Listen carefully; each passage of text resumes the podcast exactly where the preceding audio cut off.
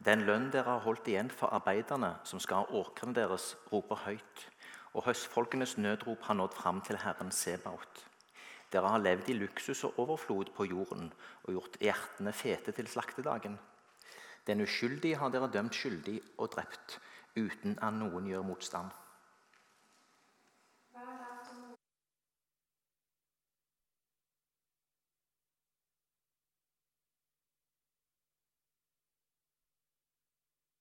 Både høstregnet og vårregnet har falt. Så må også dere være tålmodige og ved godt mot, for Herrens komme er nær. Kom ikke, med, eh, kom ikke med klager mot hverandre, brødre, for at dere ikke skal bli dømt. Dommeren står for døren. Mine brødre, ta profetene som talte i Herrens navn, til forbilde. De holdt tålmodig ut når de måtte lide vondt. Det er dem som holder ut, vi priser salige. Dere har hørt om Jobbs utholdenhet og har sett hvordan Herren lot det gå ham til slutt. For Herren er rik på medlidenhet og miskunn. Men framfor alt, mine brødre, må dere ikke sverge, verken ved himmelen eller ved jorden eller ved noe annet. La et ja være et ja og et nei være et nei, så ikke dommen skal ramme dere. Er det noen blant dere som har det vondt? Da skal han be. Er noen glad til sinns? Da skal han synge lovsanger. Er noen blant dere syk? Han skal kalle til seg menighetens eldste, og de skal be over ham og salve ham med olje i Herrens navn. Da skal troens bønn redde den syke, og Herren skal reise ham opp. Har han gjort synder, skal han få dem tilgitt. Bekjenn da syndene for hverandre og be for hverandre, så dere kan bli helbredet. Et rettferdig menneskes bønn er virksom og utretter mye. Elia var et menneske under samme kår som vi. Da han ba om at det ikke måtte regne over landet, falt ikke regn på tre år og seks måneder. Så ba han på ny, og da gav himmelen regn, og jorden bar igjen sin grøde. Mine brødre, dersom en av dere farer vill og kommer bort fra sannheten, og en annen fører ham tilbake, så skal dere vite, den som får en synder til å vende om fra sin gale vei, han redder en sjel fra døden og dekker over en mengde synder. Herre, takk for de ord vi nå har uh, lest sammen. Takk, Herre, for anledning til å gå gjennom uh, denne boka i Bibelen. Takk deg, Herre, for uh, det som du har vist oss tidligere lørdager fra denne boka. Herre. Nå ber jeg om at du åpner ordet ditt for oss nok en gang. Amen.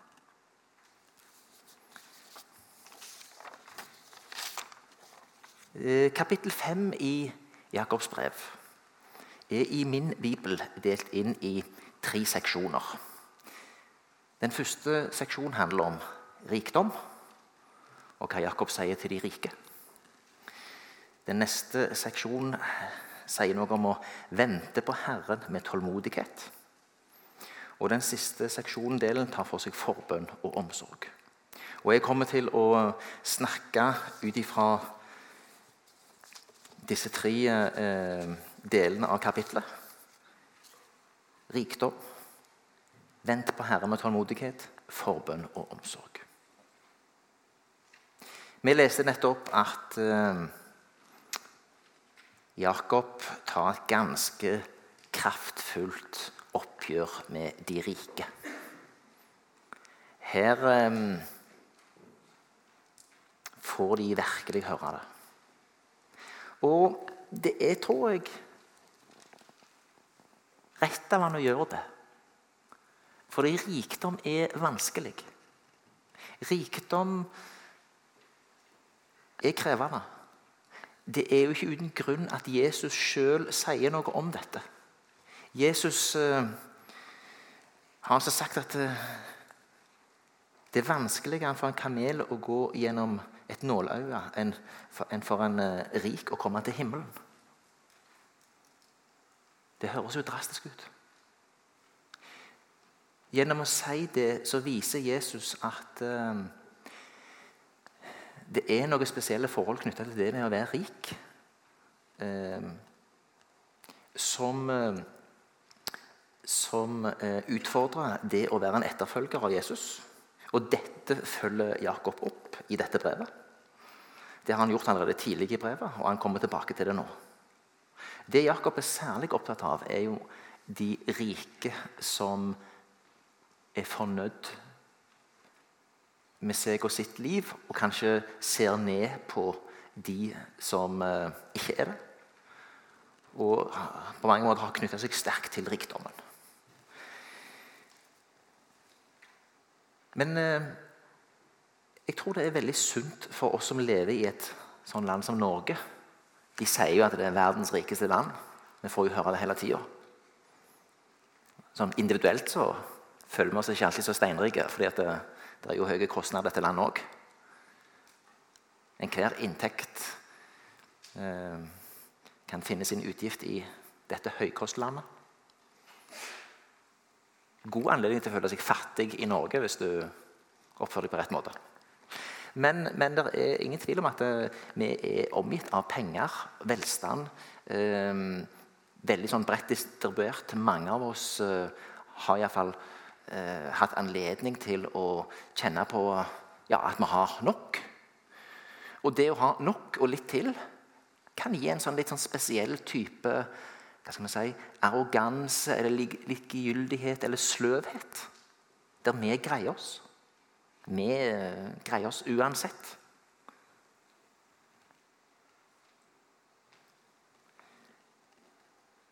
Kan altså gjøre oss en smule ufølsomme overfor andre.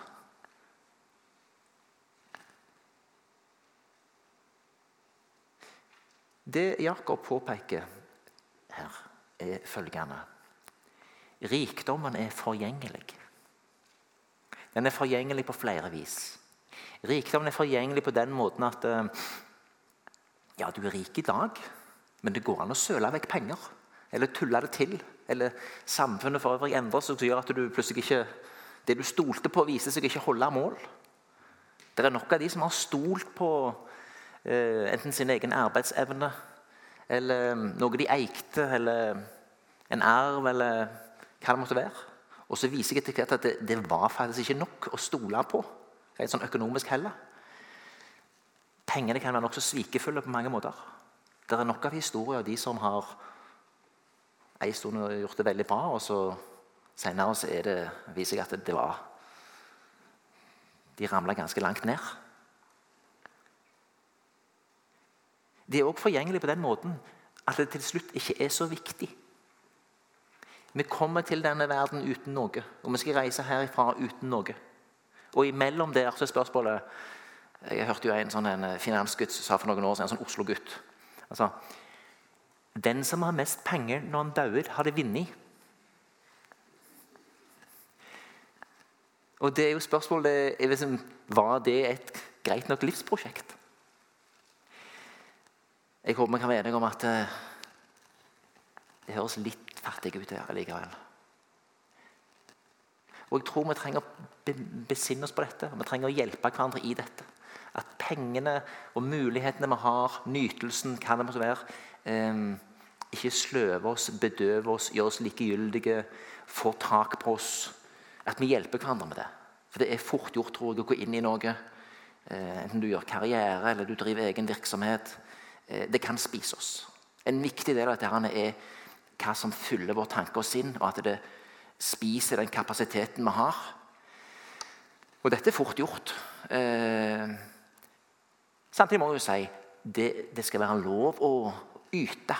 Du lever i et samfunn der de som eh, eh gjør det bra på ulike vis, eh, kan bli belønna økonomisk på mange måter.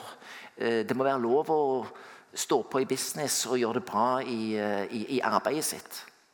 Men det er dette med at det er fort og lett binder oss opp, og at vi fort sløves og bedøves i rikdommens bedrag.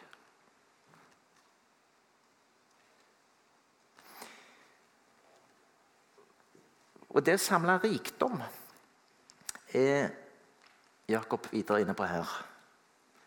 Det er jo eh, det er fort misbruk av tid. Dere har brukt endetiden til å samle rikdom, sier han. Det er jo ingen tvil om at eh, en karriere, en uh, travel jobb med god inntekt, um, en virksomhet, vil spise tid. Um, og det å lage grenser for seg sjøl Det å sette opp rammer som gjør at det ikke blir det ene store, eh, men at en greier å holde perspektivet, det tror jeg er viktig, og der må en hjelpe hverandre. For det er fort gjort at det spiser oss. Det er vanskelig å tjene Gud og mammon samtidig. Det er vel helst umulig. Og det er dette med hvordan vi bruker tida vår, de år vi har fått tilmålt. Hvordan vi bruker ressursene våre. Det er mm, et veldig alvor i det som Jakob her eh, trekker opp. Dere har brukt endetiden til å samle rikdom. Og Den rikdommen kan få gå hva tid som helst. Det kan bli en veldig eh, tomhet og misbruk av tid. Bruk av tid er jo en utfordring for oss. Vi blir fort travle. Vi, vi blir fort eh, opphengt i noen greier. Og eh, vi må besinne oss på tidsbruken vår. Da må vi i hvert fall passe på at vi ikke er bundet opp i å jage etter rikdommen på en måte som gjør at det er alt, og det tar ifra oss eh, alle andre perspektiv. Rikdom sier Jakob, kan også på ulike vis bidra til urettferdighet. Misbruk av makt overfor den svake. Holde igjen eh, lønna til arbeiderne, sier Jakob noe om her. Eller betale de for dårlig, eller drive de for hardt. Det er knytta en eller annen form for urettferdighet knytta til penger. Så det betyr at den som har penger og eiendeler, eh, må besinne seg på det er enten du har folk i arbeid, eller du leier ut et hus eller du på andre måter eh, har muligheten til å tjene på andre som kanskje har mindre. Her tror jeg opp det har vært veldig mange gode kristne gründere og bedriftseiere. og jeg tror det finnes ennå, Som både bygger gode eh, arbeidsplasser, oppfører seg fair overfor sine ansatte. Det er mange gode eksempler på det i Norge. Og Du som driver business her, du har en stor mulighet til å være et forbilde på mange måter. Hvordan du driver virksomheten din.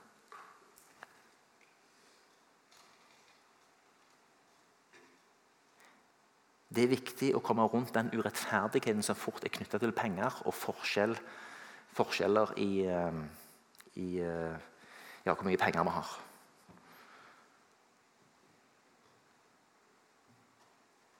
På slutten av dette avsnittet så er Jakob ganske knallhard.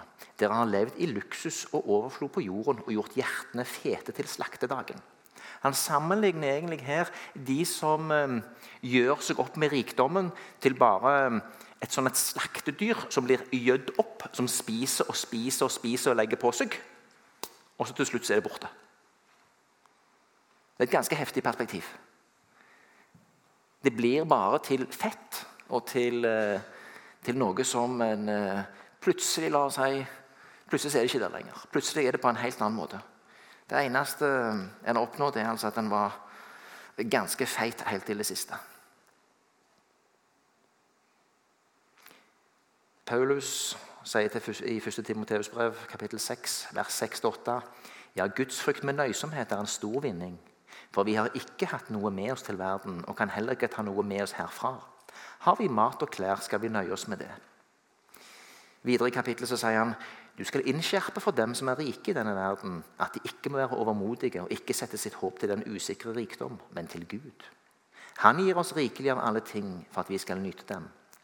De skal gjøre godt, så de kan være rike på gode gjerninger, være gavmilde og gjerne dele med andre. På den måten samler de seg en skatt og legger en god grunnvoll for den kommende tid, slik at de kan gripe det virkelige liv syns jeg er bra. Innskjerp for de rike at de gjerne skal være gavmilde, og gjøre gode gjerninger, og dele med andre.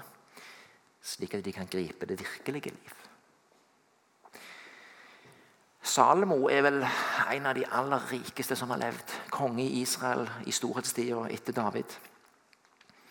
I Forkynneren så skriver Salomo um, om at han samla seg rikdom og gjorde mange ting. Og så ser han etter hvert Jeg ga meg til å tenke over alt det jeg hadde gjort med mine hender det jeg hadde strevd og slitt med. Og Salomo er nok antagelig en av de klokeste menneskene som har levd. Han oppsummerer slik Se, alt var tomhet og jag etter vind. Det er ingenting å vinne under solen. Rikdommen og alt han hadde oppnådd, alt han hadde strevd med, det var en tomhet i det. Veldig mange vil erfare det. Veldig mange som satser på enten det er karrieresporet eller det er pengesporet som sådan, opplever at det er en tomhet i det. Når du har oppnådd mange av de tingene du ville, så finner du at det, det var noe annet du ville. Er, du kommer ikke i mål. Det er, det er og forblir en sprukken brønn og satse på rikdommen. Det er ellers en fare med rikdom og, og travelhet som er knyttet til dette med jobb og eiendeler. Det er at det, det skaper et sånt parallelliv i oss. Hvis vi skal være etterfølgere, så kan det fort bli sånne som at vi deler livet opp i det åndelige øh, og det vanlige livet. Og at det ikke henger sammen.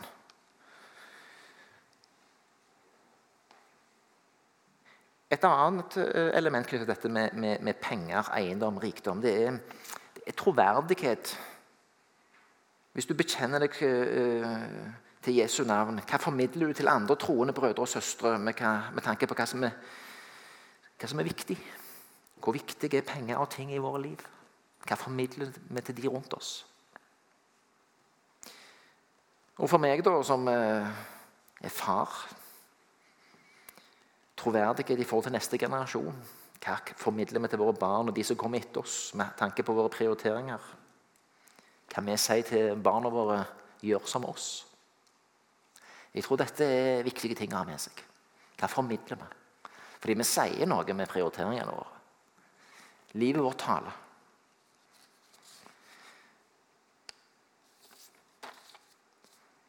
Videre så fortsetter Jakob med å snakke om dette med tålmodighet og um, vente på Herren. I vers 8 så sier han på slutten For Herrens komme er nær. Han ber de som han sender brevet til, om å feste blikket på at uh, Herren kommer igjen. Vær derfor tålmodige inntil Herren kommer. Han viser til profetene som tålmodig holdt ut når de måtte lide vondt. Vi vet, eh, Nå har vi hatt eh, bibelundervisning fra Jeremia. Fem bibeltimer om Jeremia ved Magne Vatland. Og Jeremia ser vi, han måtte lide vondt. Han hadde det ganske tøft. Han sto ofte veldig alene. Og Av og til så blir han senka ned i en brønn, og andre ganger så blir han eh, hersa med på ulikt vis. I det hele tatt, eh, han, han, hadde ingen populær rolle. Gud hadde satt ham i en krevende rolle. Han fikk òg høre av, eh, av, Gud at han skulle ikke gifte seg. For dette var en krevende tid å ha familie i. Så han ville spare ham for det.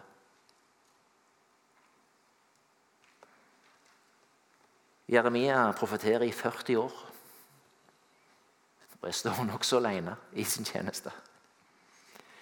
Sånn sett kan han være et uh, forbilde for oss, som uh, Jakob uh, sier. I begynnelsen av Jakobs brev, i kapittel 1, vers 2, så ser man og poengterer dette. Mine brødre, se det bare som en glede når dere møter på alle slags prøvelser. For da forstår vi at tida nærmer seg. Herren kommer. I Matteus kapittel 5, vers 11 så sier Jesus.: Ja, salig er dere når de for min skyld håner og forfølger dere, lyver på dere og snakker rundt om dere på alle vis.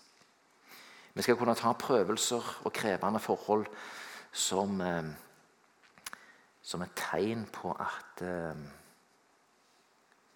tida nærmer seg. At eh, Herrens komme er nær. Og vi skal ta eh, med oss forbildene, de som har gått foran, og som òg opplevde tunge tider, prøvelser. Jobb er òg nevnt som et forbilde. I Jobb kapittel 1 vers 21 så sier Jobb når ting har blitt tatt fra han. Naken kom jeg fra mors liv, naken vender jeg tilbake. Herren gav, og Herren tok. Herrens navn være lovet. Mange har sitert og sagt dette etterpå. Jeg vet ikke om alle har gjort det med et så helt og ærlig hjerte, eller om de bare har sagt det.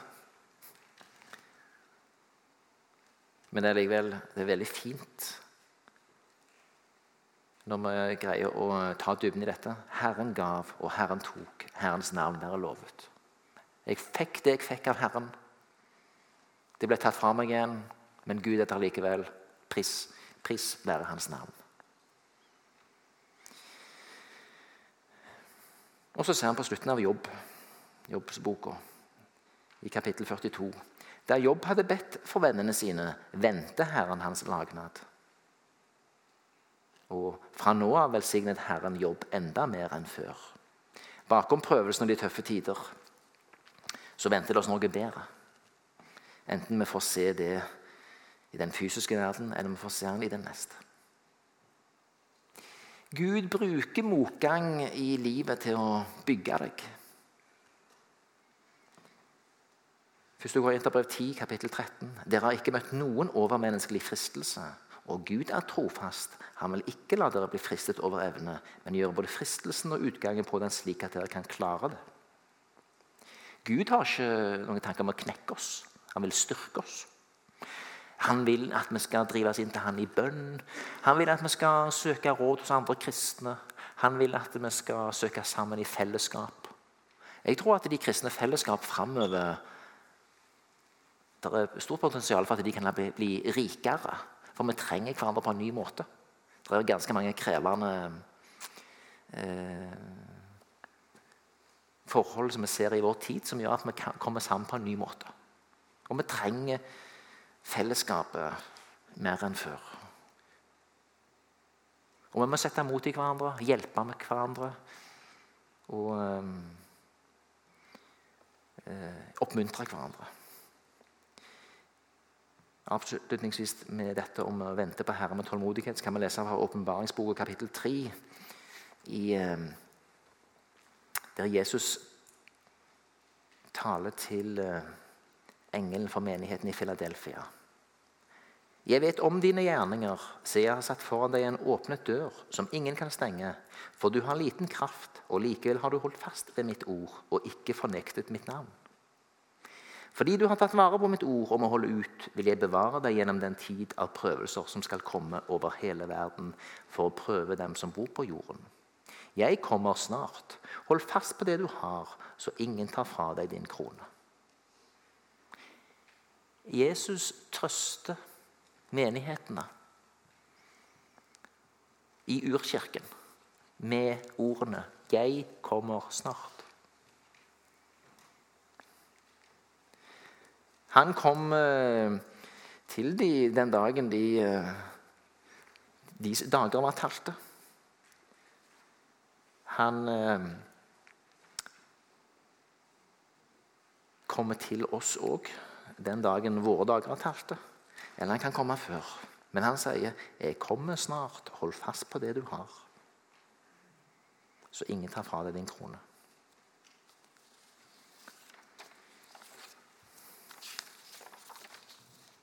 Den siste delen av Jakobs eh, brev, kapittel 5, den er jo nokså kjent. For her har vi disse versene som vi leser når vi ber salver ber for syke. Men først litt om versene som eh, leder opp mot dette. Vers 13. Er det noen blant dere som har det vondt, da skal han be. Og hvis noen er glad, skal han synge lovsanger. I Salme 50, vers 15, så står det Kall på meg på nødens dag, så vil jeg utfri deg og du skal prise meg. Lovprisning og takk tror jeg ofte kommer ut av å ha blitt berga ut av snaren, eller ut av vannmassen eller ut av krisen. Lettelsen. Jeg tror faktisk lettelsen er den beste følelsen du kan ha. Når dere har hatt eksamen og opplevd at dere ikke strøyk. Oh, Deilig. Det er sånn Eller kjørte opp eh, til billappen. Sant? Det var kjekt å få lappen, men det var òg viktig å unngå å stryke. Ehm, det er jo sånn vi er skapt. At vi kan se litt nedover og engste oss. Og når det ikke gikk så gale som vi var redd for, uh, en veldig lettelse. Kall på meg på nødens dag, så vil jeg utfri deg, og du skal prise meg. Når Herren utfrir, så ser vi hvor stor han er, og vi kan lovprise ham. Er noen blant dere syk?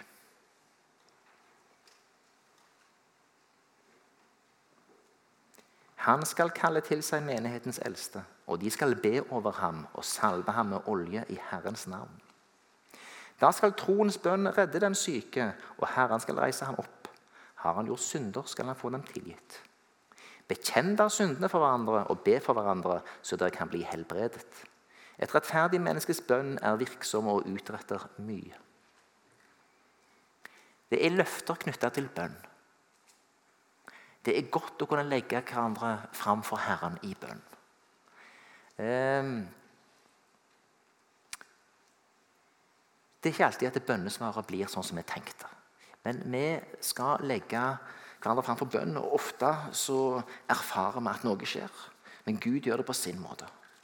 Men det er løfter knyttet til dette. Det er jo derfor vi gjør det. Den som er syk, ønsker jo å bli frisk. Gud er den som suverent eh, styrer.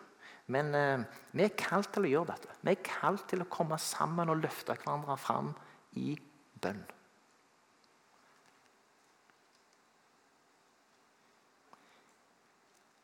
Markus 6, 13.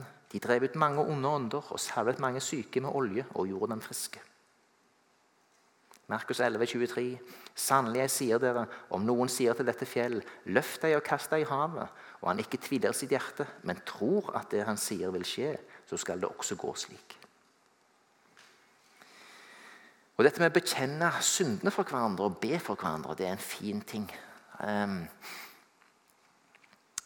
jeg tror det er godt både å bekjenne uh, synd som en leser en syndsbekjennelse, og jeg tror det er godt å å åpne seg og si det til noen. Jeg har kanskje ikke sansen for at det skal være så veldig sånn privat og personlig sånn i det store. Det kan være til én. Trenger ikke komme opp her og så komme med alle de feile tingene du har gjort. Du kan ta det med én seinere. Um, men det er samtidig godt å få letta sitt hjerte. Ordspråkene 28-13. Den som skjuler sine synder, går det ikke vel. Den som bekjenner sin synd og vender seg fra den, han finner barmhjertighet. Den som skjuler sine synder, går det ikke vel. Den som bekjenner sin synd og vender seg fra den, han finner barmhjertighet. Salme 32, vers 3-5.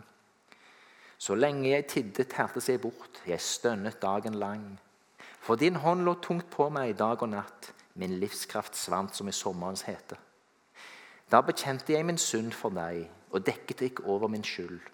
Jeg sa, nå vil jeg bekjenne mine synder for Herren, og du tok bort min syndeskyld. Så godt. David holdt på å tæres bort så lenge han tidde. Guds hånd lå tungt over han.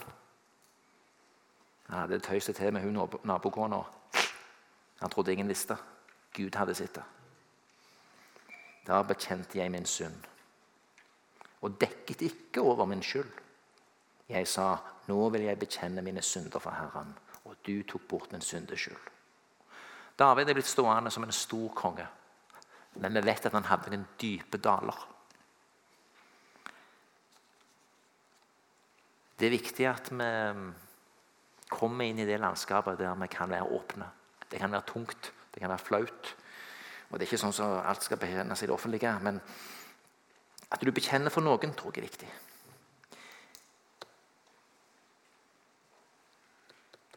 Jeg tror eh, at vi skal ta synsbekjennelsen. Vi reiser oss opp, så tar vi synsbekjennelsen.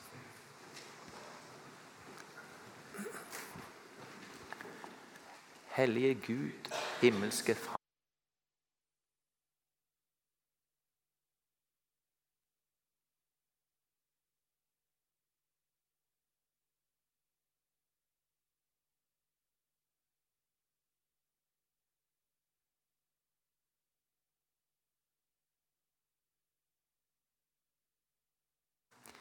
Vær så god, sitt.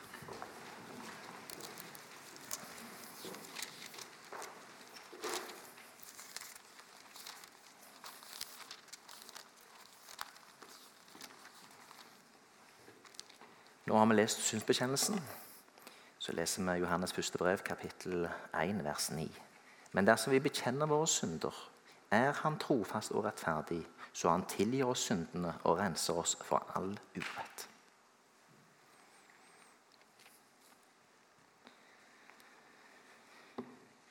Så på slutten her så um, leste Elisabeth Dersom en av dere farer vill og kommer bort fra sannheten, og en annen fører ham tilbake, så skal dere vite den som får en synder til å vende om fra sin gale vei, han redder en sjel fra døden og dekker over en mengde synder. Dette er en veldig fin ting. Dette med omsorg for hverandre på denne måten. Men her er vi inne i et krevende landskap. Fordi det er jo fort gjort at det blir litt manipulering i det. Det er jo fort gjort at det oppleves som at det, uh, hvordan skal jeg få sagt det? Hvis du da ikke har den rette empatien eller er litt brå, så mm, her er det eh, mulighet til å gjøre mye teit. Du trodde du gjorde det i god vilje. Blir bare oppfattet som en dømmende besserwisser som kommer og herser med meg. Um, Galaterne 6,1. Brødre, dersom noen blir grepet i et feiltrinn, må dere som lever ved Ånden, vise ham til rette. Men gjør det med varsomhet, og pass deg selv, så ikke også du blir fristet. En av fristelsene når du skal hjelpe en bror eller søster så du ser leve i noe litt uordentlig, er jo at du blir fristet til å bli litt sånn besserwisser-fariseer. Det er en farlig ting det eh, å gå til noen kan være krevende. Be mye i forkant. Be eventuelt noen om å be for deg når du gjør det. Ikke ta lett på dette. Nå er du på hellig grunn. Dette er krevende ting. Det er, er, er grunnlag for masse manipulering og tull og vas her. Og, og, kan være veldig ødeleggende. Så det å komme i sann ydmykhet, slik at den andre opplever at du kommer i kjærlighet, og ikke som den der som skal skape orden i butikken, men som kommer som en søster eller bror som vil deg vel. Og at det erfares. Det kan være en krevende øvelse. Ordspråkene 10-12. Hat vekker strid og trette, men kjærlighet dekker over alle synder. La den andre forstå at du kommer med ærlige hensikter, i omsorg og omtanke. Ikke ovenfra og ned. Den andre må oppleve at du kommer i ydmykhet og sannhet ikke i fordømmelse og retthaveri. Det er viktig. Men samtidig er det godt at Jakob har tatt med dette helt på slutten. For her går det på omsorgen. Det går på omsorgen for den enkelte, som vi ser kan være i ferd med å tulle det til for seg sjøl. Og det går på omsorgen for fellesskapet. Eh, skal vi være et sant fellesskap, så må eh, vi kunne snakke til hverandre. Men vi må virkelig gjøre det i visdom og med varsomhet, som vi leser i Galaterne 6.1. Da har vi gått gjennom eh, Jakobs brev kapittel 5. Her er det både noe til den som lener seg på sin rikdom. Det er noe om å vente på Herren i tålmodighet og se et større perspektiv. Holde ut i prøvelsene og forstå at prøvelsene lutter oss og gjør at vi kommer nærmere Gud. Og hjelper oss til å se hva som er viktig. Vi skal be for hverandre. Det er løfter knyttet til bønn. Vi skal bekjenne syndene for hverandre. Og vi skal ha omsorg for hverandre på den måten at vi hjelper hverandre og rettleder hverandre i varsomhet til å leve et hellig liv. Det var det jeg hadde tenkt å si.